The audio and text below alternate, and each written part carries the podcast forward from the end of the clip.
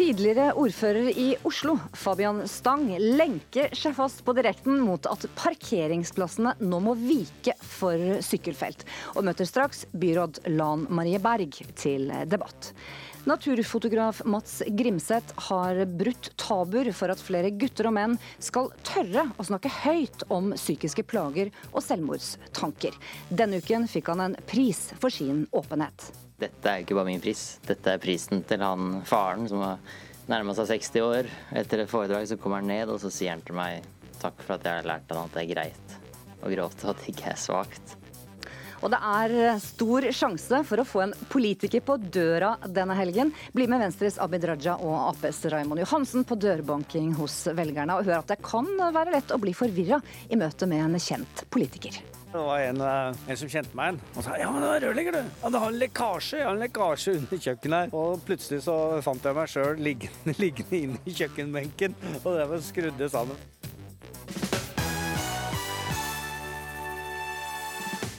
Velkommen til ukeslutt denne lørdagen, hvor også Tuva Syvertsen fra Valkyrien Kyrien Allstars vil hedre sitt musikalske forbilde Anne Grete Preus med én av hennes låter på direkten. Mitt navn er Synnøve Svabø, på det som jo må kunne kalles en nasjonal festdag. Og vi skal holde deg oppdatert gjennom hele sendinga om prinsesse Ingrid Alexandras konfirmasjon, som pågår altså akkurat i dette øyeblikk i Slottskapellet. Og tar turen straks til Slottsplassen for siste nytt. Gjennom hele sendingen så vil du altså få høydepunkt fra den kongelige konfirmasjonen som akkurat nå har startet i Slottskapellet. Prinsesse Ingrid Alexandra står konfirmant i dag, og som seg hør og bør, så skjer det i et slottskapell som er nyoppusset for anledningen. De kongelige gjestene har akkurat inntatt kirkebenkene sammen med andre prominente gjester, blant dem en forventningsfull statsminister Erna Solberg, som vi snakket med for få minutter siden. Jeg har jo forventninger til å høre også noen fine familietaler. Alle konfirmasjoner er jo familietaler også.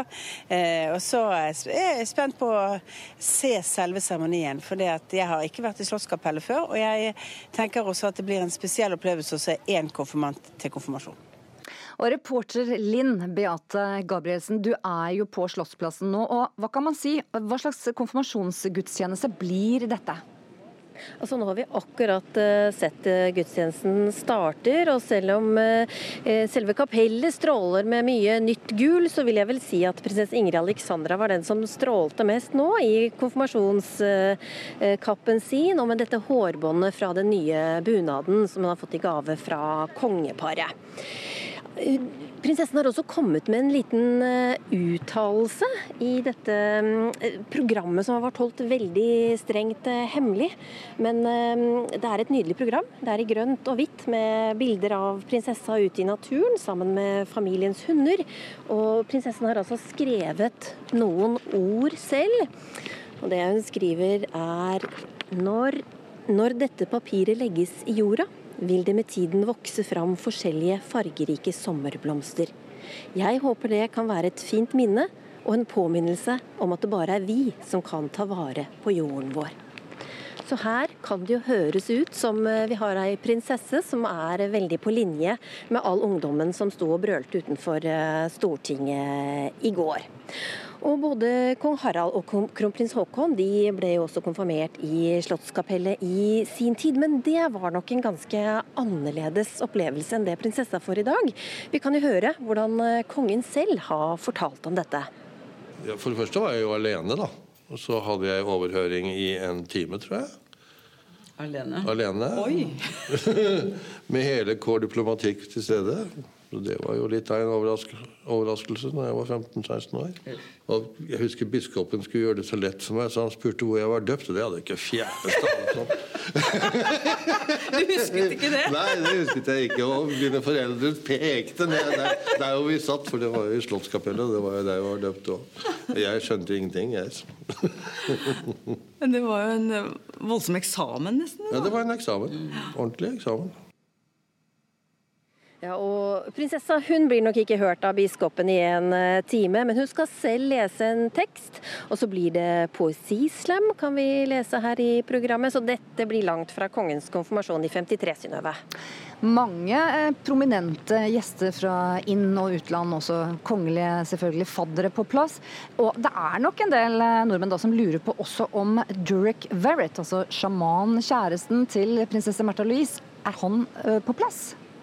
Altså, det har jo rullet inn en del sorte biler her, både foran og bak eh, Slottet ute. Mange har eh, tusla inn i bunad. Men jeg kan ikke si at jeg har sett et eneste lite glimt av eh, sjamanen. Jeg vet at uh, svensk presse er, de er veldig nysgjerrig på dette. Jeg snakket med en svensk hoffekspert, Johan Lindvall, i går.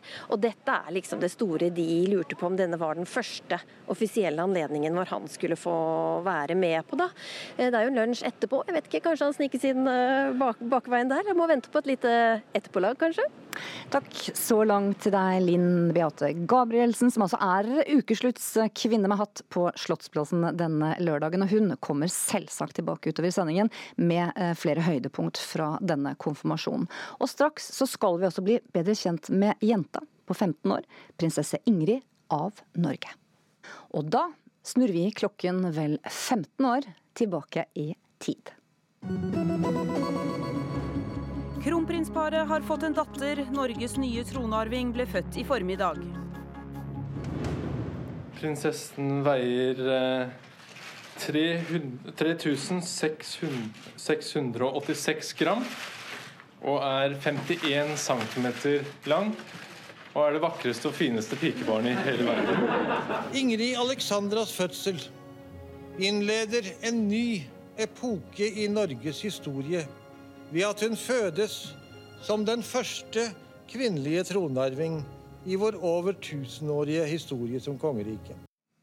Og i morgen kveld så kan du bli bedre kjent med prinsessen, som altså nå har rukket å bli 15 år. For da sender NRK1 dokumentaren 'Ingrid av Norge'. Og den er laget av deg, NRK-kollega Kristi Marie Skrede. Hvis vi stopper ved datoen da 21.1.2004. Er det riktig å si at det er en historisk dag for kongeriket Norge? På hvilken måte i så fall? Jeg, eh, prinsesse Ingrid Alexandra, da hun kom til verden, så var hun den aller første kvinnelige tron tronarvingen født i Norge. Som kongen sa i dåpstalen, som vi hører et utdrag av her. Um, og hvis hun velger, da, når hun blir stor, å bli, eh, å bli monark, som hun er født til, så blir hun den andre dronning i Norge noensinne. Eh, senest vi hadde en kvinnelig monark her i landet, var i 1380.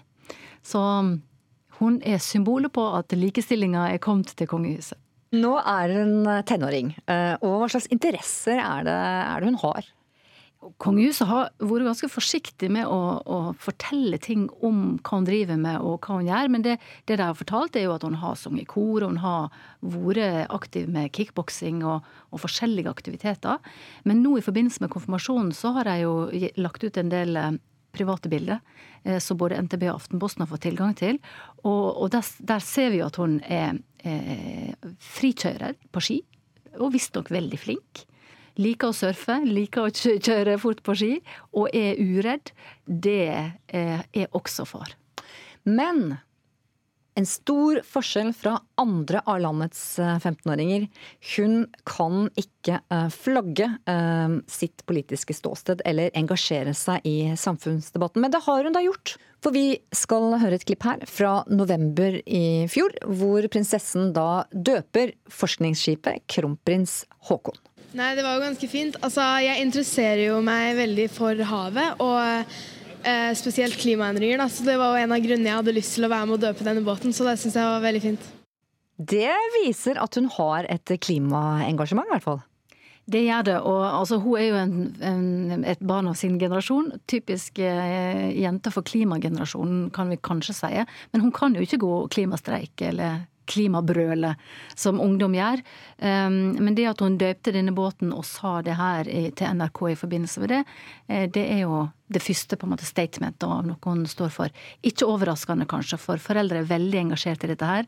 De har tatt henne med til Svalbard og til mange plasser på kloden, plukka søppel langs strendene. Så dette her er noe hele familien er veldig opptatt av.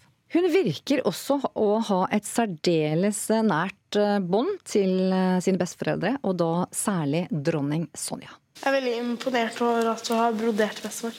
Det må jeg si. Hva sa du? Jeg er veldig imponert over at du har brodert. Ja, det er hyggelig at du er. veldig glad for det. Dette er eh, fra bilder som vi vil få se i dokumentaren i morgen, når hun også får inspisere sin, sin nye bunad. Er det dronning Sonja som, som nærmest tar henne nå i i en fremtidig dronningskole? Det gjør nok alle fire, både kongen, dronninga, kronprinsen og kronprinsessa, lærer ulike sider ved rolla.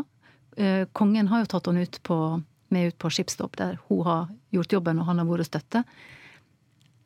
Det å være monark, det å være kongelig, har veldig mange sider. Og hun må jo finne ut hvordan hun skal fylle det. Og da er det innspill fra alle disse fire som eh, kan være nyttig på veien. Vil rollen og kravene nå til prinsesse Ingrid Alexandra endres nå som hun er blitt 15 og da eh, konfirmert? Altså, familien, eh, Bestefar, kongen, eh, har lagt veldig vekt på at så lenge hun er skoleelev, så er skolen det aller viktigste. Eh, og jeg er ganske sikker på at familien vil prøve å skjerme henne og gi henne ei ungdomstid der hun kan være ungdom så skjerma som mulig. Eh, men konfirmasjon er jo det første steget ut i en større offentlighet. Nå blir hun presentert bredere enn hun har vært før. Og eh, det kan godt hende at konfirmasjonsdagen i dag, når den er slutt, så har vi sett mer av henne. At hun òg har markert seg litt mer. Så at hun kommer til å ta mer og mer plass i offentligheten, det er helt sikkert. Men den store steget inn i offentligheten, det venter ett steg når hun er 18, og så den dagen hun blir kronprinsesse. Og dokumentaren Ingrid av Norge ser du også her på NRK1 i morgen 2045. Og NRK1 overfører også selvsagt denne lørdagen direkte fra Slottskapellet og lunsjen på Slottet etterpå. Hjertelig takk for at du kom hit til studio, Kristi Marie Skrede. Mange husker kanskje aksjonen mot eh, utbyggingen av Altavassdraget på 70-tallet. Da hindret Folkeaksjonens lenkegjeng at eh, utbyggingen kom i gang. Polisen kommer inn, for når polisen kommer inn Ja, og her står jeg på nullpunktet i Stilla der politiet fortsetter å bære vekk demonstranter, slik de har gjort det helt siden tidlig i formiddag. Når polisen må gi av. Ja, nå i dag, 40 år etter, i høstens valgkampinnspurt, så er det i hovedstaden konflikten bil mot sykkel som får den helt store kampviljen, og etter hvert lenkende frem. Etter at parkeringsplasser skal omgjøres til sykkelfelt. Og reporter Kalle Turkerud, du har altså tatt med deg tidligere ordfører i Oslo, Fabian Stang, til et sted som det ryktes at han kommer til å lenke seg fast senere i høst? Mm, det stemmer. Eh, tidligere ordfører Fabian Stang han har bestemt seg for å lenke seg fast her i Gyldenløves gate på beste Oslo vest. En bred, flott gate med en nydelig allé i midten. Her skal de uh, fjerne alle parkeringsplassene, og så skal det komme rød asfalt og sykkelstier. og Det syns Fabian Stang er så fælt, og ikke bare han, men mange andre som bor i området her, at han har bestemt seg for å lenke seg fast. Men du har vært på, du har vært på Biltema og sjekket hvor mye lenker koster, så du gadd ikke bruke penger på det. Du gjør det på en annen måte? Ja, du vet, vi, vi har jo hatt en situasjon i miljøpolitikken hvor eh, det har vært et veldig fint samarbeid. Bilistene har betalt, og da har vi fått penger penger til kollektivtrafikk, sykkelfelt, eh, sykkelveier. Eh, vi har fått fjernvarme. Vi har gjort masse sånn på en, på en hyggelig og, og, god måte. Men nå tror jeg en god del opplever at dette er gått for langt. Eh, nå er det blitt for aggressivt, og da varsler jeg en lenkeaksjon hvis det blir satt i gang her bare som et symbol. Dette er ikke verdens viktigste gate, men det er et symbol på at, at man turer frem uh, uten å snakke med lokalbefolkningen og uten å finne gode løsninger. Um, og så skal nok ikke jeg bruke så mye av politiets tid, for å si det sånn, på lenkeaksjonen. Så lenken ser jeg for meg blir en, en lenke som barna lager, sånn som de lager til jul. Så søtt. Ja, men jeg tror det er ganske mange som er engasjert. fordi at bare denne gata her skal det altså brukes 25 millioner kroner uten at det er nødvendig i det hele tatt. Det er ren symbolpolitikk. Du, vi må beskrive hvordan det ser ut her. Dette Her er er en det- veldig bred gate. Det er, en trafikk i, det er trafikk i én retning og i, i motsatt retning på andre siden av alleen. Og det er brede, gode fortau. Det er ikke spesielt trafikkert gate heller, vel. Nei, Det er vel kanskje den siste gata i verden som trenger å gjøres noe med for å ta vare på de som bruker den på fortauet. Kan de gående gå trygt? De som sykler sakte, kan sykle der. De som kjører, kan kjøre. De kjører ikke fort fordi det er parkerte biler. De som sykler, de vil blokkere bilene sånn at de har full styring. Så dette er en liksom helt ideell gate sånn som det er nå. Hvis du bruker 25 millioner kroner her på å lage ekspress-sykkelvei, så vil farten gå opp på bilene fordi det ikke er parkerte biler. Da kjører de andre fortere. Farten vil gå opp på syklistene. Så det vil bli altså utrygt for alle aktørene i denne gata, og så skal det koste 25 millioner kroner. Og da sier folk vet du hva, nå holder det. Nå er vi lei. Nå er vi lei av at bilistene skal betale for tiltak som kun medfører at parkeringsplasser fjernes. Trenger ikke noe sykkelsti her, sier Fabian Stang. Og hvis maskinene likevel kommer, så lenker han seg fast med papirlenker, de som vi ser på juletreet til jul. Sint eh, middelaldrende hvit bemidlet mann. Han skal også ganske straks eh, etter hvert komme opp her i studio i ukeslutt. For senere i sendinga så tar også byråd for miljø og samferdsel, Lan Marie Berg fra Miljøpartiet De Grønne, debatten her i eh, denne lørdagen med Høyres Fabian Stang. Ja, det er altså Ed Sheeran og Justin Bieber som sier I don't care. Det samme kan ikke sies om hun her. Kjære søring, det er på tide at du innser hvor jævlig godt du faktisk har det. Jeg er bitter, og jeg er sint, og nå så pågår det et opprør i Nord-Norge, og jeg er en av dem som er drittlei. Slik starter altså kronikken som har engasjert flest lesere på NRK Ytring denne uken. Ine Desiree Lund, rundt 200 000 nordmenn har altså fått med seg ditt frustrerte oppgjør med søringer. Du er født og oppvokst i Kirkenes, nå bosatt i Bodø, der du studerer. Og hva var det egentlig som fikk begeret til å renne over for deg? Nei, altså, vi har vært nødt til å finne oss i mye i Nord-Norge. Og vi står han jo av, sånn som vi sier. Men som du sier, begeret har nå rent over. Jeg vet i hvert fall at jeg har fått nok. Jeg har fått nok av politikere som trær reformer som en sekk over hodet på befolkninga, og som elegant nekter å høre på hva de- det angår, har å si om saken. Uansett om det gjelder helsetilbud, sammenslåing, sentralisering eller bare det å få en arrestert borger hjem ifra Russland. Altså, jeg er drittlei politikere som ikke skjønner at de er politikere for hele landet, og ikke bare for de store byene eller for dem som bor sør for Trondheim. Du glemte kanskje én ting til, fordi du legger jo ikke skjul på hva du mener om bompengedebatten. Nei, altså, jeg er møkklei den debatten også.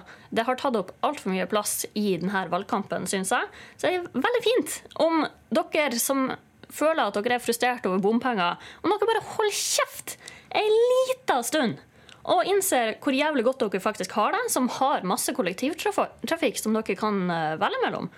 Og også at Norge har større problemer enn bompenger. Nord-Norge raseres, og verken den helsemessige eller den militære beredskapen i regionen vår blir tatt på alvor. Ine Desiree Lund, du skriver altså med ganske store bokstaver her. Hvilke reaksjoner har du fått? Altså, det har vært mye. Det er mange som mener at jeg både syter og klager i kronikken. Men altså, unnskyld meg, Synnøve. Det trodde jeg at man hadde lov til i et demokrati. At det var sånn det fungerte. At når man ikke er fornøyd, så har man faktisk lov til å si ifra. Det er noen som mener at jeg bannes for mye, men det gjør vi jo her i Nord-Norge. Så til søringen som har hisset på seg nordlendingene med ukas mest leste og delte kronikk, og det i avisa Nordlys.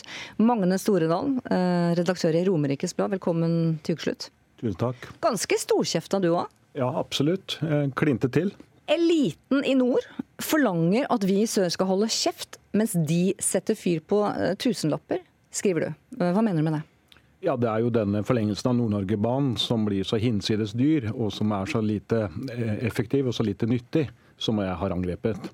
Du har, eh, som du skriver, latt deg provosere, eh, og da siterer jeg, nordlendingene de tror også at vi sørpå lever et sedat kafé- eller caffè latte-liv. Fjernt fra det mystiske storhavet, og at eliten i Oslo kjenner ikke det virkelige livet. Det er sterke påstander. Ja, men Det er sånn de framstiller oss. Det har gjort over lengre tid. og Det er en, en, type hersketeknikk som for å redusere uh, hva vi betyr i sør. Og Nå svarte jeg med samme mynt, og det ble jo et voldsomt opprør. da, og Jeg fikk jo også hatten passa fra hele nord. Et spill. Eh, gjengen fra nord driver et spill helt uten kalkulator, eh, hvor man nærmest setter politikere i en gisselsituasjon. Ja, Når du skal rope om å få en jernbane som koster 150 milliarder kroner, så må du på en måte argumentere med at dette kommer til å være til gavn for landsdelen. Det er liksom et eh, utgangspunktet mitt. Og Når du ikke kan eh, argumentere med gavn, så må du argumentere med andre virkemidler. og Da er det jo at vi er idioter som ikke skjønner at de trenger den. Skjalg Fjellheim, politisk redaktør i Nordlys, med oss nå altså direkte fra Tromsø. Som vi har hørt, ramsalt retorikk her nå på begge sider. Hvem er det som har mest rett? Jeg vil si at eh, ingen av dem har egentlig noe særlig rett. Eh, fordi dette er jo ganske sterke karikaturer da, av denne debatten. Først av alt vil jeg si at uh, Årsaken til uh, at uh, det er snakk om et slags opprør i Nord-Norge i dag, det er jo at det går veldig godt i Nord-Norge. Det går slett ikke dårlig i Nord-Norge. Næringslivet i landsdelen er faktisk mer lønnsom de siste årene enn næringslivet i andre deler av landet. Så jeg tror det handler om at mange ønsker at Norge må ta landsdelen i bruk på en bedre måte enn det man gjør i dag. Og så tror jeg at det som Magne Storedal gir uttrykk for, ikke egentlig er de synspunktene som dominerer på Nord-Norge i sør. Hvis man f.eks. tenker på dette med Nord-Norgebanen nå, så har det jo eh, skjedd store endringer i løpet av veldig kort tid. Plutselig er alle partiene for å utrede jernbane til Tromsø. Og det er jo sjumilssteg i riktig retning. Og jeg tror selvfølgelig det har da utløst litt panikk blant noen opinionsdannere og redaktører i Oslo, da. Men Skjalg Fjellheim, bare spørre deg. Kostnadsoverslagene for denne jernbanen fra altså Fauske til Tromsø med sidespor til Harstad, eh, kan også ende opp mot 120 milliarder kroner. Hvorfor har man krav på dette? Ja, altså Før jeg gikk i studio her, så leste jeg en artikkel i, i Dagens Næringsliv og Nettavisen om eh, regjeringen som investerer, det bruker 25 milliarder kroner på et investeringsfond i Stavanger. Og Man regner da med et, eh, dette er et klimainvesteringsfond, og man regner da med et nettotap eh, på investeringene på 35% Jeg har ikke sett noen redaktører i sør som har vært fra seg pga. dette. Men så snart det blir snakk om å bygge landet sammen med en jernbane, så blir det ramaskrik. Og egentlig har det jo alltid vært slik at alle de store nasjonale investeringene i Nord-Norge som eh, har vært gjort Eh, i etterkrigstida har møtt motstand fra eh, deler av eliten i sør. Universitetet i Tromsø, eh, Snøhvit gassanlegget i Hammerfest, jernverket i Mo i Rana, kortbanenettet for fly. Alt dette har vært møtt av protester og krav om samfunnsøkonomisk lønnsomhet. Men alt har vist seg å være en suksess i ettertid, og veldig viktig for Norge. Magne Storedal, redaktør i Romerikes Blad. Det er mye utestemme her og hersketeknikker fra nord? Ja, egentlig så synes jeg at salget argumenterer greit, jeg nå. Er, og jeg deler jo den vurderinga på at Nord-Norge har en storslagen framtid foran seg. Det, det, det, er utrolig mye ressurser i havet, og det er utrolig mye ressurser i fjellet, og det, turismen blomstrer, og alt er kjempefint. Men denne banen skal da frakte ca. 1100 mennesker hver dag. Og det, når du skal bruke 150 milliarder kroner på det, så syns jeg det er forferdelig mye penger. Og da kunne man alternativt brukt de pengene som mye bedre. Det finnes så utrolig mye mer spennende og sinnrikt som du kan gjøre for de pengene, som ville gitt så mye bedre framtid for så mange mennesker enn å bruke det på en jernbane som ikke vil få verken mye gods eller mye folk. Setter man nærmest politikerne i en gisselsituasjon her, som du ser det? Så Arbeiderpartiet er jo kjempepressa av at Senterpartiet har gått så veldig mye fram. Arbeiderpartiet har jo vært veldig lunken til denne banen. Og nå når de er pressa så hardt som de er fra nord, og så mange mandater som man har i Troms og Finnmark, så det er klart at eh, Jonas Gahr Støre er litt punchdrunk av det som skjer, og han går med på at man skal utrede dette. Og Jeg tror ikke innerst inne at han syns dette er en kjempeidé. Skjalg Fjellheim, stemmekåte politikere har blitt utfordra, og flere partier har kommet med løfter. Men når tror du selv denne jernbanen kommer? Ja, Det tror jeg ikke blir eh, i min eh, levetid. Jeg er jo nå i mitt 52. år. men Jeg er redd for det ikke blir i min levetid. Men det er jo et generasjonsprosjekt, eh, dette. Og jeg tror at tida med hensyn til klimapolitikken og frakt av enorme mengder sjømat ut av, av Nord-Norge i framtida vil tvinge dette frem. Og det vil være nødvendig for Norge å, å gjøre dette. Men jeg er redd for at jeg kanskje ikke rekker første Eh, avgang fra Tromsø til, eh, til Oslo, dessverre. Ine Desiree Lund, um, du har sittet og hørt på gutta nå. Hva skal til for at du nå slutter å bruke slike store ord i kronikker framover? Jeg syns at man er nødt til å ta Nord-Norge på alvor. Og at, uh, som man sier, at man satser på hele landet, rett og slett.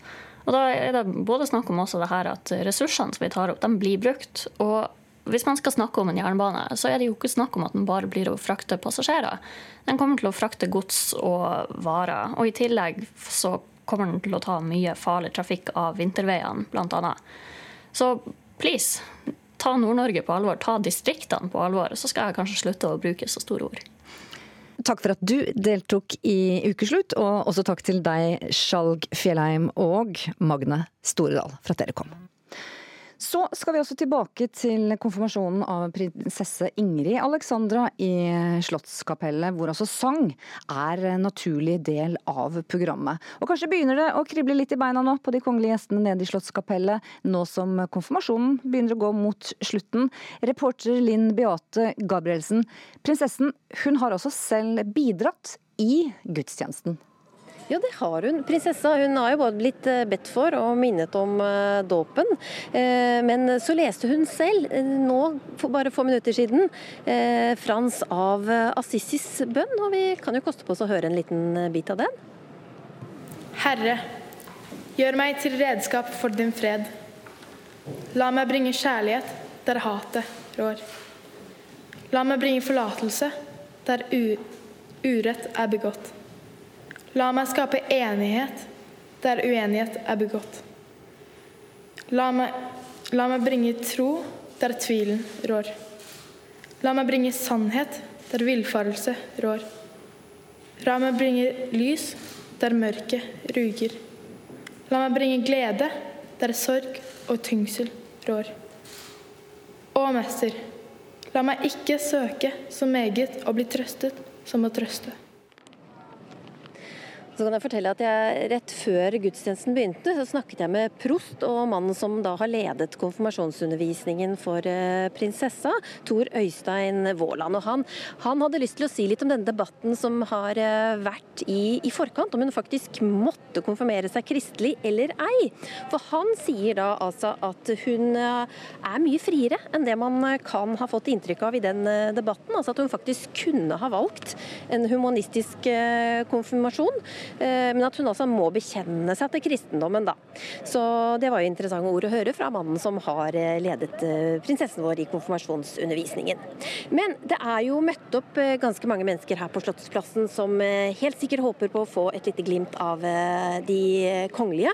Og her har jeg foran meg tre bunadskledde. Det er Håvard Framnes, Maren Vik Framnes og Ane Vik Framnes på tolv og ni år. Hva slags bunad er det dere har på dere? Eh, Sunnhordland. Og hva har gjort at dere har eh, funnet veien opp hit til Slottet i dag? Nei, eh, det har jo vært alt at hun skal konfirmere seg, så tenkte det var gøy å komme opp her litt og se hva som skjedde, og litt sånn stemning å høre. Og du, da? Eh, fordi at eh, det var litt gøy å komme opp og se hvordan det var. Mm. Hvorfor er dere så fine i dag, da? Eh, vi skal i konfirmasjon til eh, ei venninne eller noen vi har kjent ganske lenge. Så da måtte vi bare oppom her først og se. Og dere har fått litt oppmerksomhet da, siden dere har disse bunadene på dere, og så blitt intervjuet av, av tysk presse? Ja, ja, det kom litt uventa med all den oppmerksomheten, men ble, da ble med. Og noen på radio. Ja, på radio. Ja. Men eh, prinsesse Ingrid Alexandra hun hadde jo noen ord eh, som hun eh, sa i programmet.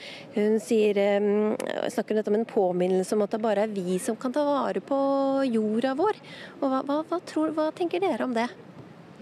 Nei, jeg tenker da at det er jo vi barn som skal på en måte ta over jorda når, når vi blir eldre. Så det er viktig at han fremdeles ser fin ut. Og sånn bør det fortsette. Sånn mye forsøpla og sånt. Og pappa, du, du, har vært og sett på kongefamilien uh, før, du, med store begivenheter? Det har jeg. Fortell om det. Eh, nei, når de gifta seg, så tok eh, jeg og kona mi og så fikk vi lov til å gå inn i utstillingsvinduet på Glassmagasinet i andre etasje. Eh, så der sto vi og overvørte hele seremonien utenfor eh, domkirka eh, for noen år siden. Det var veldig kjekt. Har du fått noe glipp av noe som helst her i dag, da? Ja, det er jo masse kjekt her, sånn, men vi var nok litt for seine til å få med oss alle gjestene som kom. Det er jo møtt opp en del på Slottsplassen, og om de kongelige kommer til å komme ut på balkongen, ja det er jo det vi, vi håper på. Det må i så fall skje før halv to, fordi da skal gjestene gå inn til lunsj på Slottet. Takk så langt da til reporter da i dag, Linn Beate Gabrielsen, som er også med oss etter nyheten. Og akkurat nå så kan vi mye tyde på at ting nærmer seg slutten i Slottskapellet, for bildet fra fjernsynet viser altså at nå har hennes mormor Tjessem Høiby, Hans Kongelige Majestet Kongen og alle utenlandske kongelige faddere, og også, også søsken, har vært framme og tent et lys og satt opp for den fremtidige tronarvingen Ingrid av Norge. Så se opp for kortreiste politikere, for nå kommer politikerne til en dør nær deg. Drøyt en uke før valgdagen så er det flere av partiene som sliter på meningsmålingene, og ukeslutt vi hang på Aps Raymond Johansen og Abid Raja fra Venstre da de gikk fra dør til dør for å sanke stemmer nå i innspurten. Har du stemt, ja? ja? Ja, men det er greit. Takk for stemmen, da! det er snart bare ei uke igjen til valget, og Venstres stortingsrepresentant Abid Raja er ute for å sanke stemmer. Han er ikke den eneste. I tradisjonen tru banker politikerne på dør etter dør for å overtale nettopp deg.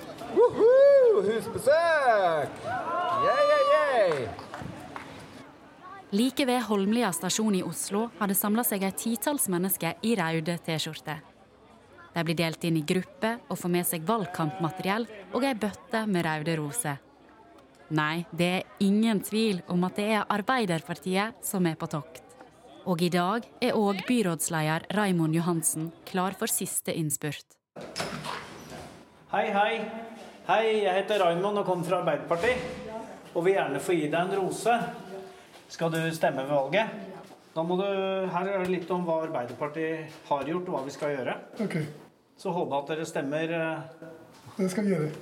En erfaren og profilert politiker har vel noen triks, spør jeg. Nei, eh, ikke annet enn å være blid og hyggelig. Du ringer på døra til folk, og du veit aldri hva som er på andre sida. Om de har krangla med hverandre, eller om eh, de sitter akkurat og spiser, eller har sovet middag, eller uh, har en sak de vil ta opp som de er litt forbanna over. Så det er alltid spennende. Blir du noen gang nervøs? Ja, altså Det kan jo oppstå situasjoner som er litt uh, ubehagelig. Men nervøs er nok ikke rette ordet, men ubehagelig har, har jeg nok opplevd at det har vært. Vi har jo hørt uh, på episoder hvor folk har blitt skjelt ut, og da har kommet, kommet ut folk som har vært nakne. Det har kommer folk som har krangla og eh, godt humør. Det er eh, stort sett eh, veldig ålreit. Opplever du at det fungerer å reise på husbesøk?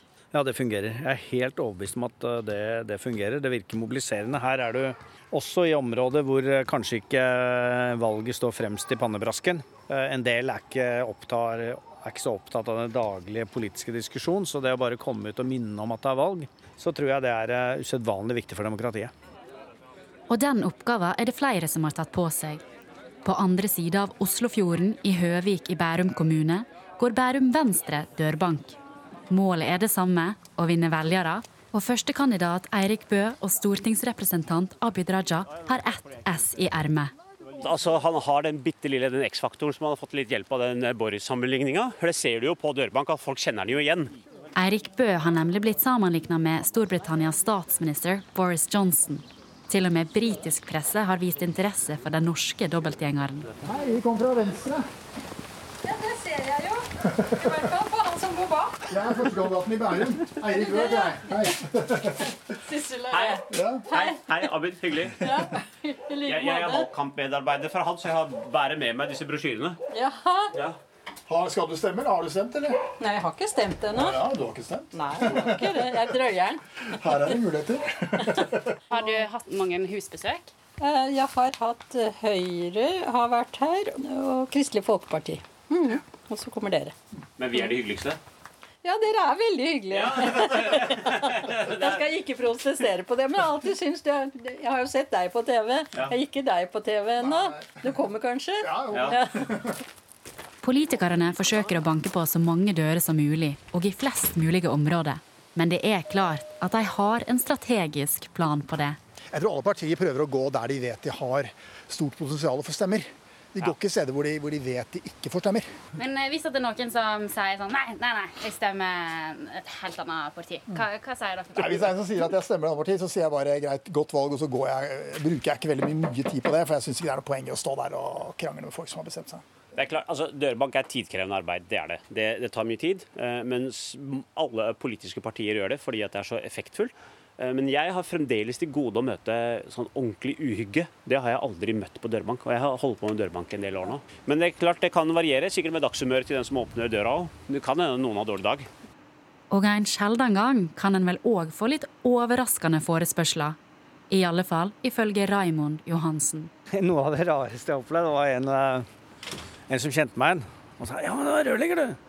Ja, det er jo lenge siden jeg har skrudd. Ja, det har en lekkasje! Jeg har en lekkasje under kjøkkenet her. Og en eldre dame. Og plutselig så fant jeg meg sjøl liggende, liggende inne i kjøkkenbenken. Og, og det var skrudde sammen. Det var en enkel jobb, da. Men jeg blei våt overalt. Og det var, ja. Hun var veldig fornøyd. Jeg fikk eh, skrudd igjen den koblingen som skulle.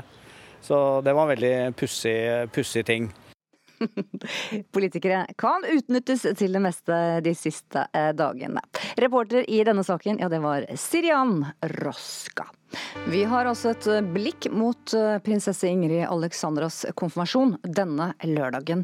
Og de fleste av oss har vel noen minner fra egen eh, konfirmasjonsdag, på godt og vondt. Ukeslutts reporter Brage Berglund han tok turen han til selveste Aschehougs hagefest, på jakt etter kulturelitens konfirmasjonsminner. Og den første eks-konfirmanten han traff på den røde løperen, det var krimforfatter Jo Nesbø. Jeg husker vel egentlig bare jeg hadde, jeg hadde en uh, grønn fløyelsdress som jeg hadde mast meg til å få. Jeg trodde jeg var litt sånn tidlig ute når det gjaldt mote. Altså Jeg hadde det grønneste plagget som i hvert fall var i hele den konfirmasjonsgjengen der sånn. Vil du bruke den igjen i dag, da? Nei, jeg ville ikke det. Trude Devland, Ja. tidligere ordfører i Bergen. Ja. Hva slags minner er det du har fra din egen konfirmasjonsdag? Altså For det første hadde vi verdens strengeste konfirmasjonsskole. Hvor vi ble taua inn i kirka og måtte lære oss alt vi skulle vite om både kristendom og konfirmasjonsløftet og det hele. Og så marsjerte vi inn, og de fleste av oss holdt på å besvime. Men vi kom igjennom det med glans. Jeg skjønte at det var viktig, og jeg visste at mine foreldre ville at jeg skulle oppføre meg ordentlig. Og til en forandring gjorde jeg så godt jeg kunne. Bertine Zetlitz, eh, artist. Ta oss tilbake til konfirmasjonsdagen din. Eh, Hva husker du? Jeg, eh, jeg var i rådhuset, jeg hadde borgerlig konfirmasjon. Man sto der, eh, fikk velge sine egne klær, hadde ikke bunad. Jeg ønsket meg nemlig videokamera i stedet. Det var veldig tungt, og jeg angrer jo bittert på det nå, selvfølgelig. Unni Askeland, du er kunstner. Ja. Hvilke minner har du fra din egen konfirmasjon? De er litt kyske. De er litt sånn lang, hvit kjole og Jeg var hos fotografen. Og når min eldste datter konfirmerte seg, så var hun nødt til å bruke den kjolen jeg hadde i konfirmasjonen min. Og det er kanskje det verste av alt! At jeg gjorde det. Hvorfor gjorde du det? Fordi jeg tenkte skal den aldri bli brukt igjen? Det var jo så fin. Så kan tenke deg, Men det var litt sånn inn, underforstått tvang, da. Unni Lindell, du er jo forfatter. og Når du tenker tilbake på din egen konfirmasjon, hvilke minner dukker opp da?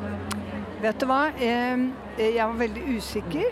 Og jeg var så forelsket i en av de andre som jeg skulle konfirmere meg sammen med. Så mistet jeg stemmen. Eh, Jeg skulle jo holde tale, og jeg kunne ikke snakke. Og det er noe som skjer hvis jeg blir veldig nervøs. Det var veldig sterkt å bli konfirmert. Eh, Du er jo så ung, og så skal du bli voksen på en måte. Og jeg syns jo at Ingrid Alexandra er en helt fantastisk person som jeg har veldig tro på for fremtiden. Så jeg håper at hun får en veldig fin eh, konfirmasjonsdag. Reporter her på Aschehougs hagefest, det var Brage Berglund. Og da kan jeg fortelle at akkurat i dette øyeblikk så går altså Hans Kongelige Majestet og den unge konfirmanten prinsesse Ingrid Alexandra ut på Slottsplassen og vinket. Og nå gikk de inn igjen. Eh, Liv Beate Gabrielsen, reporter nå på Slottsplassen. Skal det være så kort, eller vil man tro at resten kommer ut nå?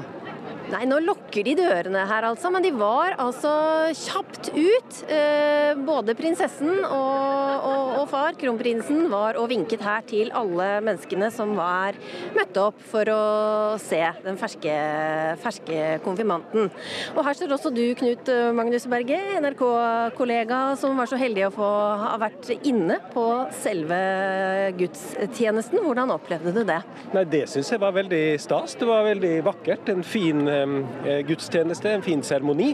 Eh, og sikkert også med et par eh, elementer i seg som kanskje vil overraske det internasjonale publikummet. Det var jo kun kvinner, tror jeg, som hadde ordet der inne.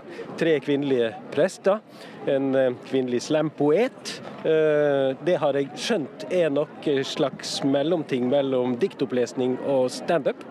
Eh, Og så var det jo sametingspresidenten, som også er kvinne. Så det hadde et klart sånn kvinnelig preg. Og så var det et tydelig grønnskjær hele, gjennom hele gudstjenesta, Kanskje fremst gjennom dette frøarket som alle fikk, som jeg har her. Eh, og Det er da et um, ark som man skal kunne plante i jorda. Og Da vil det vokse opp um, sommerblomster. og eh, Prinsessa skriver jo her at jeg håper det kan være et fint minne, en påminnelse om at det er bare vi som kan ta vare på jorden vår. Så det er kanskje det fremste symbolet på at dette var eh, en, med tydelig grønt budskap også i denne flotte seremonien. Tusen takk skal du ha. Vi følger med videre her fra Slottsplassen. Det er jo snart duket for eh, lunsj litt senere. Takk så langt, Linn Beate Gabrielsen. Han har seilt over Atlanterhavet i snøstorm, stått ansikt til ansikt med isbjørn på ekspedisjon. Men i møte med mennesker så opplever han angst, og han har hatt eh, selvmordstanker. Noe han åpent deler i foredrag på skoler og på sin egen Instagram-konto med over altså 16 000 følgere. Denne uka fikk 24-årige naturfotograf Mats Grimseth årets tabupris fra Rådet for psykisk helse. Og Mats, velkommen hit til ukeslutt. Tusen takk. Og gratulerer. Jo, tusen takk. Hva betyr det å få en slik pris? For meg så er det ganske surrealistisk. Jeg blir veldig ydmyk og takknemlig og er ganske sånn ordløs for å få en sånn ærespris da, for å bryte ned tabuer og snakke om ting som gjør at kanskje flere velger livet. Men uh, dette er jo ikke bare min pris, fordi dette er prisen til Pentai, som uh, man har sett i Lørdagsrevyen, som kom ned foran alle ungdommene og hadde hatt meg 60 minutter i livet sitt og begynte å gråte og slippe løs på det. Og han med hans erfaring da, så skjønte jeg hvor lite som skal til for unge gutter til at de føler at de kan passe inn. Og det er eh, Daniel, mammaen til Daniel, som sendte meg melding at eh, han tok livet sitt da han var 19 år for fem år siden. Og den historien mammaen til Daniel delte med meg, det gjorde at jeg turte å ta stilling til at jeg har vært der hvor jeg har tenkt på selvmord. Og, så det er denne prisen til han faren som kom ned, da, som var nærma seg 60 år. Etter et foredrag så kommer han ned, og så sier han til meg takk for at jeg har lært han at det er greit å gråte, og at det ikke er svakt. Da tenker jeg sånn shit, ass, du har gått nesten 60 år av livet ditt og tror du er svak fordi du viser følelser. Det er dem sin pris. Det er alle de som faktisk tør det. Og så håper jeg en dag at vi ikke trenger å gi en pris da, for å snakke om tabuer. At det kan bli like naturlig som å puste. Når kom angsten inn i livet ditt? Selve angsten som jeg turte å ta et forhold til, eh, kom eh, i våren 2018. Hvor jeg satt på en 17. Eh, mai-fest hvor jeg var invitert bare som Mats. Jeg er så vant til å være i en rolle som fotograf, som foredragsholder eller som skipper, hvor jeg har full kontroll. Men så var jeg for første gang i min, eh, mitt liv faktisk invitert som bare Mats til en feiring med masse andre ukjente mennesker. Og da får jeg veldig hetta. Jeg blir så usikker på meg selv, og jeg har ikke kontroll. Og jeg blir kvalm, begynner å kaldsvette. og det er veldig rart da, at det har gått så langt at jeg kan være så trygg på noen ting, men når jeg skal bare være meg selv, så har jeg på en måte glemt hvordan det er. Og er redd for å bare være meg da, og være til stede. Du beskriver at du allerede som syvendeklassing um, følte deg annerledes eller ble mobba i klassen, at de gjorde noe med deg? Ja, jeg var jo ikke en av de kule, da. Jeg var naturlig spinkel, og da var det liksom daglige kommentarer, da. Det var jo på en måte kompiser som fleipa og holdt på, og jeg gjorde jo det letteste vi kan gjøre, det var å, å le med. For jeg ville ikke være han som ble mobba, så jeg lo bare med. Jeg sa ingenting til mamma eller den ene bestekompisen jeg hadde, og jeg jeg starta en sånn kamp om å føle på anerkjennelse og tilhørighet. Så jeg begynte å gjøre masse teite ting. Jeg blei han urolige i klassen som alltid hadde en kommentar eller gjorde sitt for å bli sendt på gangen av læreren. Og jeg som vet hvor stor skade få ord kan gjøre, begynte å mobbe andre. Det er jeg ikke stolt av i det hele tatt. Men det var det jeg gjorde, fordi da følte jeg meg kulere, og jeg ble mer godtatt av de andre. Det å være redd for å sette ord på at man har det vondt, det er det særlig norske menn da, og yngre gutter som, som deler med deg. Um, tall fra 2017 uh, viser at nesten 600 nordmenn tok livet sitt. Rundt 400 av disse var menn, og 94 av de var under 24 år.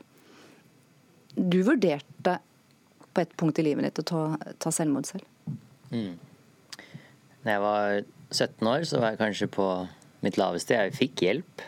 Jeg hadde liksom hadde, gjorde det litt bra som fotograf. Jeg hadde liksom hverdagen, men um, det var på et punkt hvor jeg satt på de tankene som så mange tenker, og som jeg først egentlig nå kan forstå, hvor de bare vil ha en pause. De vil ha pause fra den tørketrommelen som går i huet selv om de sover, hvor bare tankene kvernes. Og når mennesker kommer til de tankene om at de tror at andre har det bedre uten de, det er, eh, det er veldig vondt å kjenne på. Og jeg kan forstå at folk gjør det, faktisk, fordi man vil bare ha en pause, da. Men jeg vet jo også at det er bare å holde ut, fordi vi, spesielt gutter, vi er så redde for å søke hjelp. Og ja. Det er liksom Det er en, lagt opp en vegg der som egentlig aldri burde være der. Og den håper jeg vi kan rive ned, fordi det er ikke så farlig å søke hjelp i det hele tatt. Jeg har tilsynelatende Jeg ble omtalt nå med denne prisen som en suksessrik eventyrer. Men jeg kan fortelle at den suksessrike eventyreren var hos psykolog sist på mandag. Og det sånn er det. Jeg har vært et sted nå hvor jeg har tvilt så mye på meg selv at jeg skjønte at nå må jeg snakke med noen andre enn familie. Og nå har jeg det mye bedre. Men jeg har fortsatt mye å jobbe med, jeg. For meg så sitter det i, i huet og kroppen. da. Så det er akkurat som ja, vi har styggen på ryggen, da, som kanskje er den mest identifiserbare teksten jeg kan bruke på det. Det er bare For meg så er det som et svart lokk som går over huet mitt. Og så bare føles alt så tungt. Og vendepunktet, eller i hvert fall ankeret ditt, da, det er til sjøs på havet. Ja, er det blåser det storm på havet, så setter jeg på hvilepulslista, og så tar jeg roret, og ja, jeg ville ikke vært noe annet sted i hele verden. Det, for meg så ble det min, min frihet, men det er ikke bare Havet er jo en stor del av naturen, og i naturen så er liksom det er samme hvem du er, hvor du kommer fra, hva du tror på, hva du sliter med. Der er det plass til alle og du kan være deg selv. Du kan få føle på mestring, glede og frihet. Mats Grimseth, takk for at du kom hit til Ukeslutt denne lørdagen, og takk for at du er nettopp du. Tusen takk for det, og du òg. Vi avslutter vi med låta som du nevnte selv, 'Styggen på ryggen', Onkel P. Hva har den betydd for deg? Jeg tror den, den åpna dører for ganske mange, da. Når det kommer en så rå artist med så mye betydningsfulle ord, da. Nå sykkel og eh, miljøhensyn opp mot bil og parkeringsplasser, ja det skaper engasjement i hovedstaden i valgkampinnspurten. Og ikke bare i hovedstaden, også andre av landets store byer. Og som du allerede har hørt, så er altså tidligere ordfører i Oslo for Høyre, Fabian Stang, han er denne høsten klar til å lenke seg fast for å protestere mot at parkeringsplassene må vike for sykkeltrasé i hans bydel Frogner i Oslo. Og Fabian Stang, aller først. Du hevder altså at byrådet i Oslo har gått til krig mot eh, innbyggerne. Sterke ord, og hva mener du med det? Det som er eh, Poenget her er at vi har hatt et veldig godt samarbeid mellom eh, bilister, syklister og gående i Norge. Bilistene har betalt regninga, og så har vi brukt det til kollektivtransport og sykkelveier. Og, og vi har, har, fått til det på en veldig god måte. Nå er, det, nå er situasjonen snudd, sånn at en god del har begynt å bli forbanna over hvordan pengene deres brukes. Og jeg opplever at uh, Gyldenløves gate er, er jo bare et symbol. Folk i Vadsø er vel ganske uinteressert i, i Gyldenløves gate, men det er et symbol på dagens pengebruk for å eh, gjennomføre symbolaksjoner. Og Den sykkelstien vi snakker om nå, den eh, er helt unødvendig. Og det å bruke 25 millioner kroner på noe som er helt unødvendig, det er for meg et uttrykk for at miljøenigheten eh, har eh, utviklet seg til å bli et fiendskap. Og miljøsaken er så viktig at her må vi holde på det samholdet som vi hadde, og ikke presse hverandre sånn som Miljøpartiet gjør. Lan Marie Berg, eh, byråd for miljø og samferdsel i Oslo eh, fra Miljøpartiet De Grønne. Du skal få svare med en gang. Han, han hevder altså at dere nærmest går til krig mot innbyggerne i Oslo. Hva svarer på det? Nei, på ingen måte. Det vi vet, er jo at 85% av Oslos befolkning ønsker at Oslo skal bli en bedre sykkelby. Og Det er nettopp det vi jobber for, å gjøre det trygt å sykle i byen. For det vi også ser er at um, det er bare 20% av befolkningen som mener det er trygt å sykle i byen. Uh, og Derfor så må vi bygge ut mer trygge sykkelveier. Men uh, da må vi faktisk i en trang by som Oslo uh, fordele plassen bedre. For i altfor mange år så har bilen fått for mye plass i byen. Mens vi vet at de aller fleste i byen de reiser kollektivt eller sykler og de går. Og da må vi legge til rette for de, sånn at alle de trafikantene trafikantgruppene som vi har i byen vår, får plass. Eh, Fabian Stang og Høyre, hva, hva, tenker dere? Altså, Miljøpartiet kan jo se ut til å, å bli hovedstadens nest største parti. Hvem er du mener i så fall vil tape på det? Jeg tror eh, de som de som er for et eh, næringsliv som fungerer, butikker som fungerer i sentrum, de som vil ha en levende by, kanskje er de som vil tape mest. Men jeg, jeg, er, ikke, jeg er, ikke, så opptatt av det. Jeg er i grunnen mer opptatt av at eh, miljøsaken må få en plass hos oss alle. Vi har jo jobbet med dette i, i mange tiår. Eh, med fjernvarme, kollektivtrafikk osv. Og, og, og, da har vi som sagt gjort det gjennom et samarbeid, en stor forståelse, en felles stolthet over prosjektene. Mens nå er det, er det de mot oss eller omvendt. Og det eh, mener jeg er unødvendig, f.eks. i denne gaten, hvor det er plass til gående, det er plass til syklende, det er plass til de som har behov for en bil, som skal kjøre tante i bursdag eller har en hytte. Eh, etter hvert så blir jo dette utslippsfrie biler, og noen ganger så opplever vi at, at, Miljøpartiet liksom Det er bilen som sådan som er problemet. Eh, ja, hvorfor blir, skal bilen tas? Nei, altså Det er jo ikke snakk om at ja, bilen skal tas, men det er snakk om at vi må ha be bedre plass til alle oss som bor i byen. Og Det som har vært problemet i Oslo, er nettopp at bilen har fått for mye plass. Og Det har ført til at veldig mange, nesten en tredjedel av Oslos befolkning, var beregna til å leve i områder med farlig høy luftforurensning. Det er veldig helsefarlig. Gjør at eh, barn får problemer med f.eks. astma, vanskelig for å gå ut om vinteren når det er tungt å puste. Derfor må vi ha færre biler i byen, sånn at vi ikke får så mye luftforurensning. Så har vi problemer med plass, i den forstand at eh, siden 1970-tallet så har Oslo hatt en plan om å få et sammenhengende sykkelveinett og bli en sykkelby. Men Oslo har ikke blitt en sykkelby nettopp fordi man ikke har klart å gjøre den prioriteringen og prioritere ned det arealet man bruker på parkeringsplasser til fordel for sykkelveier der man trenger en sykkelvei. Og Gyldenløves gate er et veldig godt eksempel på det. For det er ikke trygt å sykle i Gyldenløves gate i dag. Jeg har selv syklet der ganske mye. Jeg vet at det ikke oppleves trygt, spesielt i nederste delen av gata, der hvor vi nå bygger sykkelvei. Da må vi eh, bygge sykkelvei der, nettopp for å kunne få en sammenhengende rute fra vest og gjennom sentrum. Men gjør det ikke inntrykk at de som bor der, går imot sitt eget byråd? De sier bruk 25 millioner på noe annet, vi vil ikke ha sykkelfelt. det fungerer det det, er ikke, det er, ikke, veldig uvanlig at noen, eh, når man vil gjennomføre et tiltak, eh, er, altså at det er høylytte protester mot det. Eh, men det vi også vet, er at 85% av befolkningen i Oslo vil ha at Oslo skal bli en bedre La meg snakke ferdig. Vil at Oslo skal bli en 85 hele tiden, men, men, men la oss være ærlige. Sykkel, du og jeg sykler mye.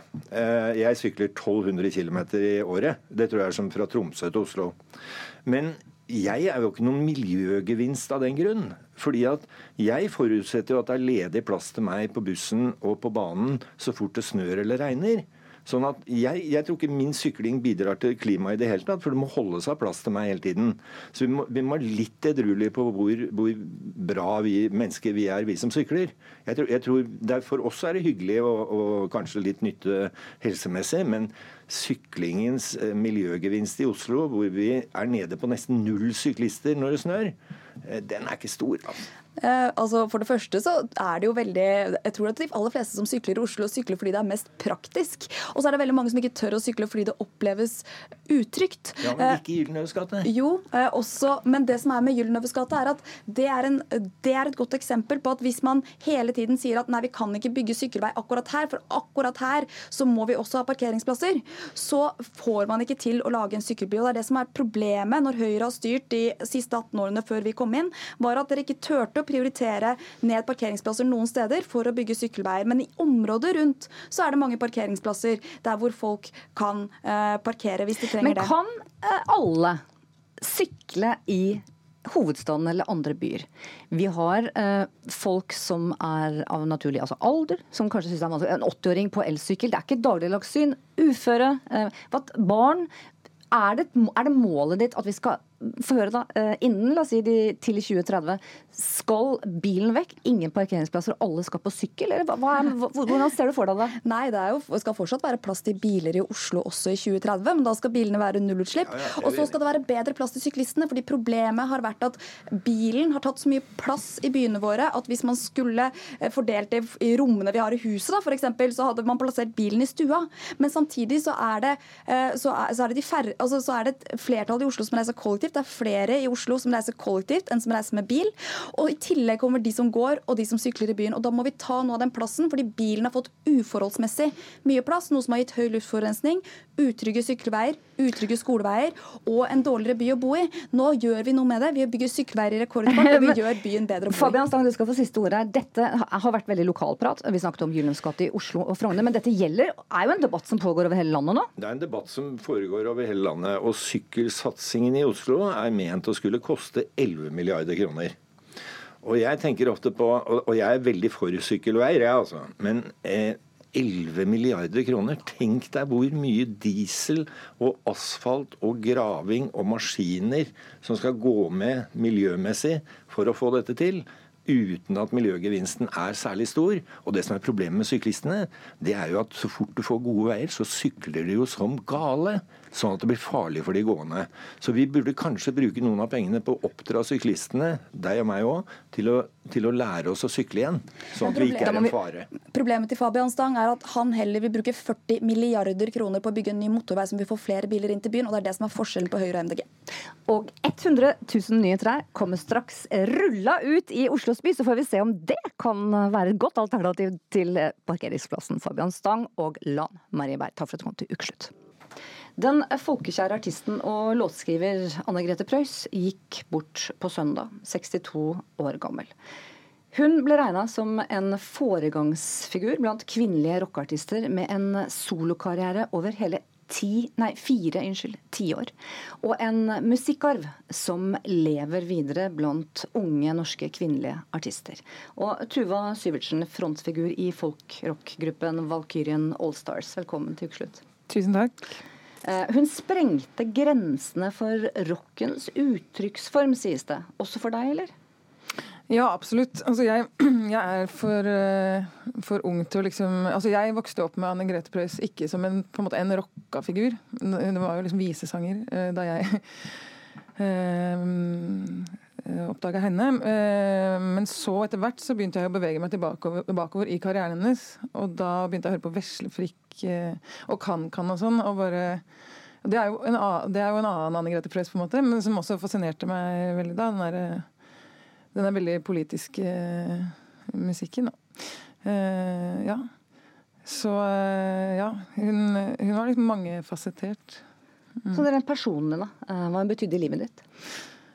Altså, hun Jeg kjente ikke henne personlig veldig godt. Vi, vi, vi møttes noen ganger og prata litt sånn. Men, men hun var en veldig Altså, hun var, første, hun var, den eneste jeg visste om som var lesbisk da jeg var liten. liksom. Jeg hadde, jeg hadde ikke hørt om Kim Friele eller sånn, jeg hadde hørt om Anne Grete Preus. Og det, det, at hun var såpass tydelig da, på det, det har betydd veldig mye for meg.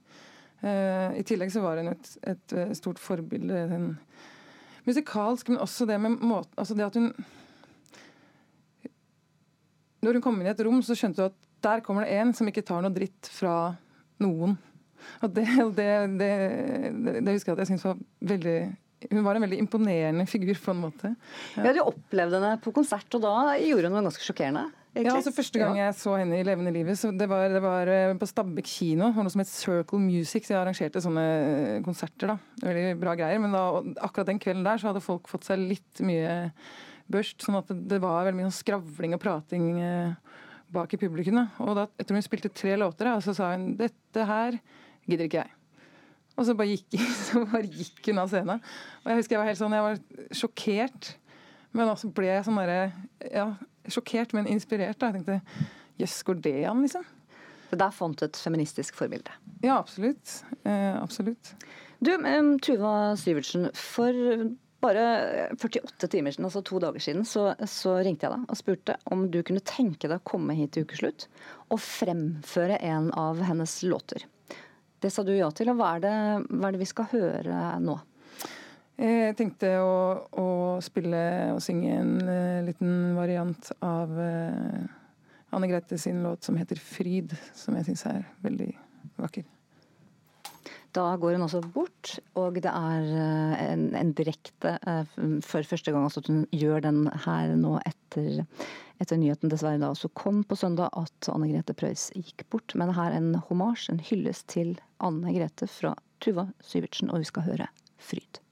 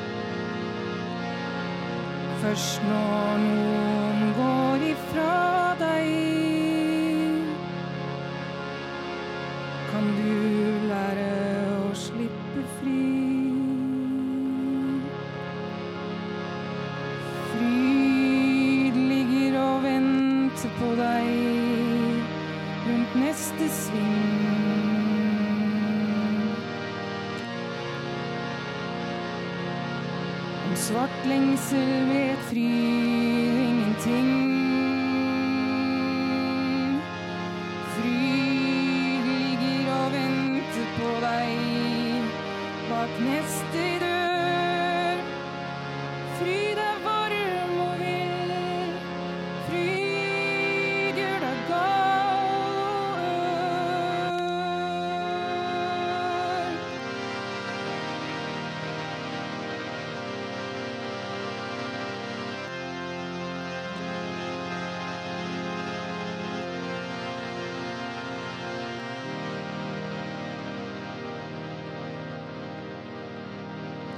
Først når du kjenner at de har deg.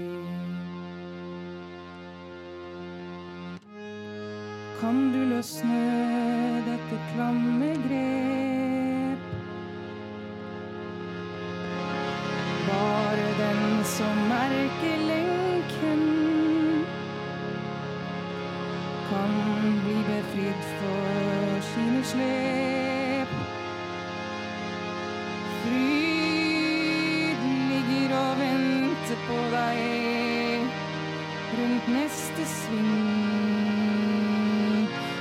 Svart lengsel vet fryd ingenting. Fryd ligger og venter på deg bak neste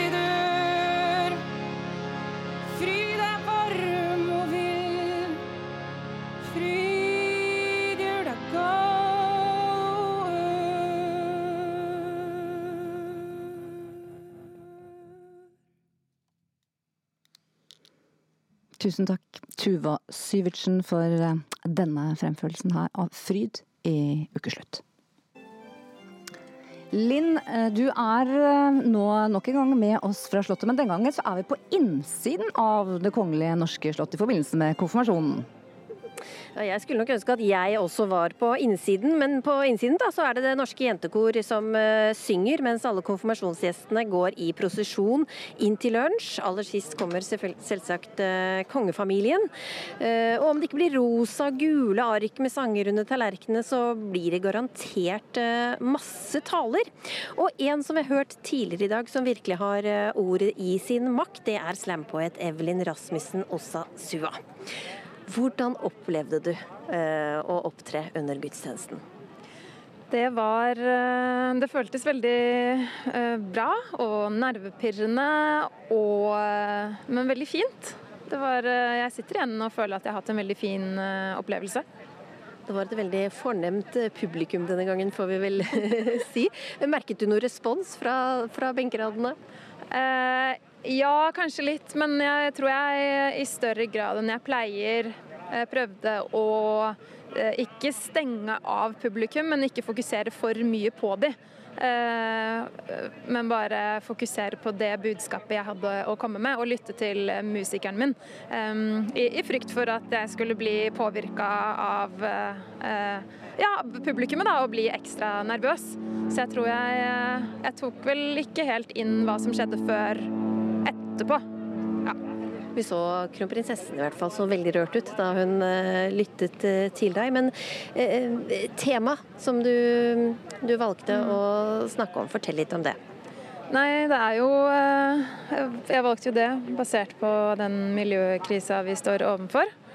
Ehm, så den handler om Teksten handler jo om jorda vår. Også og så tror jeg bare at Ja, det er et tema vi har hørt eh, om mange ganger før. Vi leser om det. Vi ser eh, bilder av at det brenner i Amazonas. Men um, jeg tror jeg tenkte at hvis jeg skriver en tekst som kanskje kan vekke empati på en annen måte, så um, får det kanskje folk til å lytte på en annen måte enn det man vanligvis gjør. Um, men jeg vet ikke om det funker. Men eh, det var verdt å gi det et forsøk. Vi skal få høre et lite utdrag av det, men først kan du kanskje fortelle, for de som ikke vet, hva er slampoesi? Uh, slampoesi det er en blanding av Dette er min tolkning av slampoesi. Altså. Det er en blanding av eh, dikt og rap. Og eh, kan være eh, standup. Um, så det er en, en muntlig sjanger, da. Kjempefint. Tusen takk eh, skal du ha. Da sier vi takk fra oss her fra Slottsplassen. Hjertelig takk for at du har bidratt til en folkefest i hele landet denne lørdagen, Linn Beate Gabrielsen. Og vi skal nå eh, ut i trafikken, og først så skal vi altså til Vestlandet, hvor det fortsatt er rasfare mellom Bergen og Voss. Eivind Stuvold i NRK Trafikk. Stemmer det. Det er på E16 ved Bolstadøyri mellom Bergen og Voss. Eh, Det gikk jo ras der eh, tidligere i uka, og det er fortsatt ledebilkjøring i rasområdet ved Bolstadøyri. Så der dirigeres trafikken og kjøres med ledebil. Du må nok regne med noe venting ventetid i begge retninger, men eh, store forsinkelser skal det ikke være snakk om. Tidligere har det også vært dirigering og ledebilkjøring på fv. 7 langs Hardangerfjorden, også det pga. rasfare. Men eh, nå går trafikken som normalt igjen mellom eh, Trengereid og Granvin på fv. 7, sier Statens vegvesen. Skal ta med et par eh, hendelser fra trafikken i samme slengen her. Først til Bergen og til fv. 557. Vær oppmerksom på at det ligger gjenstander, knust glass og mm, trolig ei dør i veibanen i sørgående retning ved Dolviken, rett etter Knappetunnelen. Statens vegvesen har sendt ut mannskaper for å rydde. Og i Akershus er det akkurat rydda etter at det også lå knust glass i veibanen eh, ved kryss nummer 17 Vestby nord, så der kan trafikken gå som normalt nå. Og fra trafikken så skal vi nå til været og meteorolog Bente Wahl. Hvordan ser helgens vær ut? Ja, Det er litt variabelt, må jeg si. På Spitsbergen har det regna mye, men det er nå i ferd med å gi seg. Og i morgen så blir det bris av skiftende retning, og da for det meste oppholdsvær. Og fra i natt så blir det oppholdsvær i så å si hele Nord-Norge også, og morgendagen starter bra der med opphold og en del sol. Det blir ganske varmt i morgen, 22-23 grader i alle fylkene. Men utover dagen så skyer det til i Nordland, og tidlig på ettermiddagen så kommer regnbygene til Helgeland, og de blåser nordover, når nok Troms om kvelden. Samtidig øker også vinden da på sørøst og senere sørvest liten kuling. Og det kan være torden i disse bygene. Også i Trøndelag og Møre og Romsdal så blir det stort sett opphold fra i kveld, men regnbyger igjen i morgen, først på Sunnmøre. Sørlig og senere sørvest stiv til sterk kuling på kysten. Og disse bygene og vindøkningen den, det drar seg nordover til Trøndelag utover dagen. Vestlandet får inn en ny nedbør sent i kveld. Regn og regnbyger der også. Sørvest stiv og sterk kuling, men i morgen så dreier vinden på vest og senere nordvest. Minker til frisk bris, men det vil fortsette med regnbyger. Agder og Telemark får inn regn og regnbyger sent i kveld. Her går det raskt forbi, så allerede i morgen formiddag så er det nok stort sett oppholdsvær og litt sol igjen. Men eh, kan være noen byger lengst vest i Agder. Og I Østlandet så kommer disse bygene da inn sør og vest fra i natt, og det kan lokalt være ganske kraftige byger med torden. De aller kraftigste ser det ut som vi får øst for Oslo og Mjøsa da i morgen, tidlig morgen formiddag, kanskje også tidlig ettermiddag. Vi har ute et gult farevarsel på det, så vær litt obs på disse styrtregnene som da kan komme på deler av Østlandet i morgen første del av dagen. Men etter hvert så går det inn i Sverige, og da blir det gradvis lettere igjen utover ettermiddagen. Vi sender det til svenskene. Ja, ansvarlig for sendingen denne lørdagen har vært Vidar Sem og Brage Berglund. Teknisk ansvarlig Erik Sandbråten. Og her i studio har jeg sittet Synnøve Svabø. Nyt nå da den siste sommerhelgen i august før høsten tar deg.